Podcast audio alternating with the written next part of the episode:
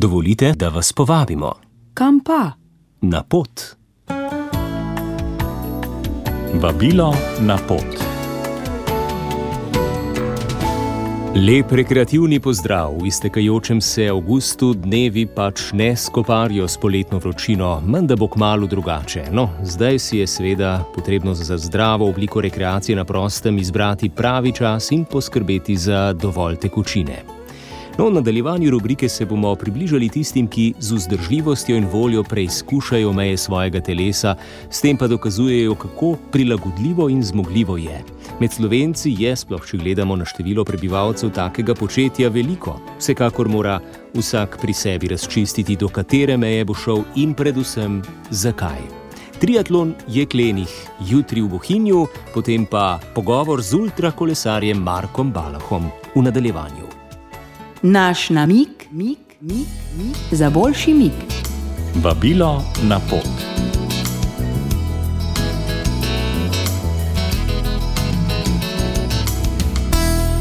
Prvo triatlonsko rekreativno tekmovanje, ki združuje veščine veslanja v kajaku po Bohinjskem jezeru 8 km, kolesarjenje v klanec do Rudnega polja 16 km in 10 km tek od biatlonskega centra preko planine Konščica do Vodnikove koče na Velem polju, so Bohinjci izpeljali na zadnjo soboto v avgustu leta 1984. Letošnja zadnja sobota v avgustu je rezervirana za že 36. izvedbo. Za udeležbo potrebujete vsekakor veliko volje, potrpežljivosti in moči. Klasični disciplini so dodali štafete z možnostjo supanja na 5 km ali plavanja 1,2 km, namesto veslanja in v ločenih kategorijah.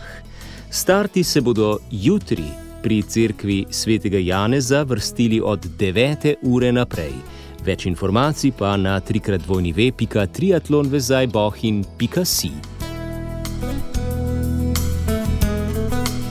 Za zdrav duh v zdravem telesu.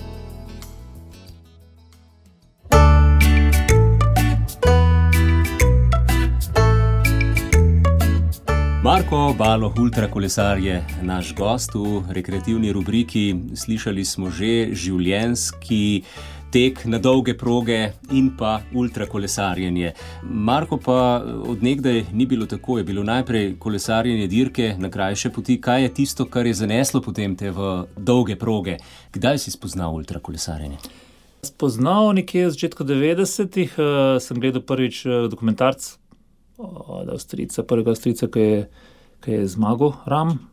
To nekako tako smo, mislim, da je bilo celo tako Slovenija, takrat še nismo imeli 100 programov, ki jih imamo zdaj, ali pa 200. Ampak tako da, tako da to tako malo, da smo malo zastrigli za 60, pa uh, to pa tako je bilo mm, kolosalno, ti si si mislil, uh, to pa je hudo, ne, to, ko to naredijo. Pa, pač začneš malo se ti usede noter v, v spomin in uh, pol so se pa nekaj let kasneje uh, znajdel v istem klubu z Juretom Robičem.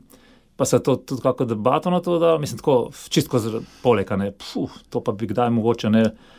Pač oba sta bila tako malo, kar precej zdržljiva, daljša je bila dirka, boljše je bilo. In, ampak to je tako, v tistem času, ko smo dirkali, ne, pač eh, si bil le neke sorte nezaposlen v klubu, ker nismo imeli nekih hudih plač. Ampak dobro.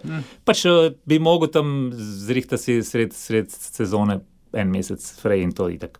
Nismo niti nikoli, nikoli tako daleč prišli. Ampak bilo je nekje sanje, ne, mogoče pa kdaj. Ja, bi šli, mogoče. Pa pa to pozabiš, nekako ti si misliš, vse to pa neizvedljivo, da ne gre. Pa je pa leta 2000 se znaj, našel uh, Fredi Virak, prvi slovenski, se tega lotil resno. V bistvu ni bil po čist eh, kolesar, ni bil izhajal iz kolesarstva, prej bil tekač, mislim, pa se je pa nekako presedel na kolo.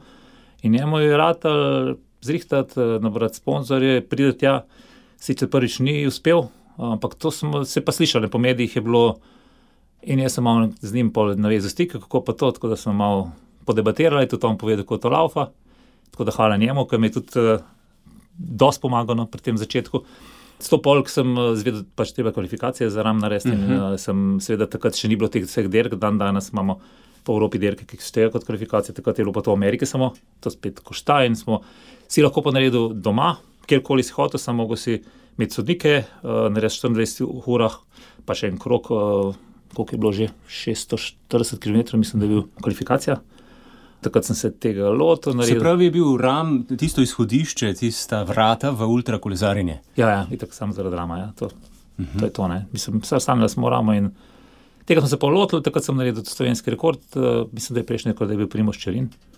Tako da sem imel kar visok, tako no, Predhodnika, enega ja. predhodnika, zelo dobrega, no, ampak smo, sem uspel 753 km, smo, sem takrat naredil Kostanjevci, to je bilo septembra 2000, delež nazaj. Ne. Ja, precej. Ja. Ja, tako da to je to. Je to. Pa, pa, pa je pa tako, ne, seveda to je še le prvi korak, ko dobiš, ko to pač so neki požegnajo, dobiš potem povabilo od organizatorja, ki velja tri leta. Sem uh -huh. najprej sprašal, zakaj, ja, zato ker ni, vejo, kako je težko sponzorje nabrati. Ne. To je pa bil tisti naslednji korak, ki je bil pa najtežji. Tako da sem leta 2021-2022 sem se skozi pripravljal, skozi mislil, da sem pripravljen, verjetno sem bil, ampak eh, pač ni bilo. Ne. Ni bilo denarja. Ni bilo denarja, leta 2002 sem že skoraj vrgel puško v koruzo, sem rekel, ma, to ne bo nikoli rad. Ne, pač, mm. -hmm. Tako je, zmeraj imaš obljube, ko boš pa šel, boš pa, ampak pa, ko pa greš, pa, pa ni bilo z tega nič, Ni nažalost. Ne. Pač, Ampak bilo. to je strošek, koliko danes stane udeležba na ramu. Danes mislim, da dobro, zdaj po COVID, da sploh ne vem, ker sploh se raj ne bi računal, ker zdaj še cene nekamo ne bo. Ne. Ampak tiste zadnje, ki sem ga pel štiri leta nazaj, mislim, da je bil budžet 35 tisoč evrov, pa je bilo, ampak to res, mislim, to porabljen denarno. Pa smo nekje, rečemo, da je temu pozitivna nula ali pa negativna, ali tam nekje okoli smo bili. Tako da ja, to še kaj velik, da se z manj, mislim, da sem vmes eh, tudi kakšnega spelu, pač smer sem se prilagajal, ne, pač sem imel 20 tisoč je bilo najmanj, kar sem pač ni- nismo mogli več nabrati. In smo nekako speljali, pač brez avtodoma, samo, mislim, samo tri ljudi sem sabo pel, pa sem nekaj američanov tam dobil, da so pomagali, pa jaz moram reči, bi potrkal, pa nam zdaj le na ropotar. Uh, je kar laufal vse eno, ampak ja, smo prišli skozi 20 tisoč, uh, tudi odpeljal sem ga, kar, kar solidno. No. Je pa res, da ni, če greš pa dirkat na rezultat, na zmago, rabaš pa ti avtodom, večjo ekipo in to je pa ta- tam 30-40 tisoč, nažalost, je tako. No. Močnejša podpora, več denarja. Toliko za danes o ramu, nadaljujeva prihodnji teden. Ja. Toliko v naši današnji rekreativni rubriki, popovdne ob 17. uri pa bomo spregovorili o Janezu Antonu Skopolju. 300 let mineva od rojstva tega velikega naravoslovca, katerega duh, kot pravi naša gostja, dr. Blanka Ravnjak, bi bil lahko za zgled tudi današnjim raziskovalcem. On je znal na nek način celovito pogledati naravo. Kljub temu, da je seveda, lahko bi rekli, izdal dela za recimo zoologijo, za botaniko, mineralogijo, geologijo, ampak vse to je pa v bistvu gledal celovito. On, ko je recimo šel v naravo, ni se odločil, da bom raziskoval samo rastline ali pa samo opazoval hrošče. V bistvu, ko je prišel v neko območje, je popisal vse, kar je lahko videl. Tudi ne na zadnje etnolog je bil, ne? ko je prišel v nek kraj, v bistvu poprašal recimo ljudi o zdravilnih učinkih rastlin, potem neka neko kulturo opisal, recimo lotil se je celo agronomije, kmetovanja, ne opazoval je, kako ljudje orjejo, na kakšen način, kako v bistvu kolobarijo, s katerimi žiti. Recimo tudi sam je svetoval, da naj bi bolj uvajali kulturo buča, ne, zaradi olja, potem zaradi krmilne vrednosti. Skratka, Vtaknil bi lahko rekli, se je čisto v vsako stvar in že to bi nam lahko bilo za zgled, da se moramo kot raziskovalci lotiti narave in preučevanja narave na ta način, celostno. a ne? Prisluhnite med 17. in 18. uro, ko bo naš gost tudi vodja botaničnega vrta, dr. Jože Bavcon. Vabilo na pot. Za življenje zdravo, po vdihu naravo.